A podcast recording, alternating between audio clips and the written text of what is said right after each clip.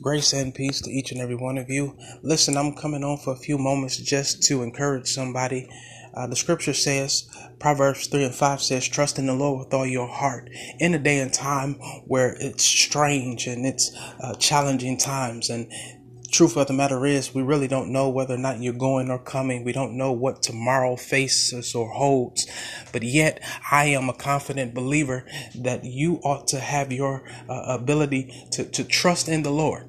Trust in the Lord, not just a little bit, not just with partiality or half of yourself. Trust in the Lord with your whole heart, with your mind, with your strength, with everything that is within you. That when we learn how to trust in God, it does not matter what sickness comes, what disease comes, with what vicissitude comes, what unfortunate event may come in our life. The reality is this God knows exactly what God doing, and God God knows the end from the beginning, is what the scripture says. And that this is what we ought to hold our stake in.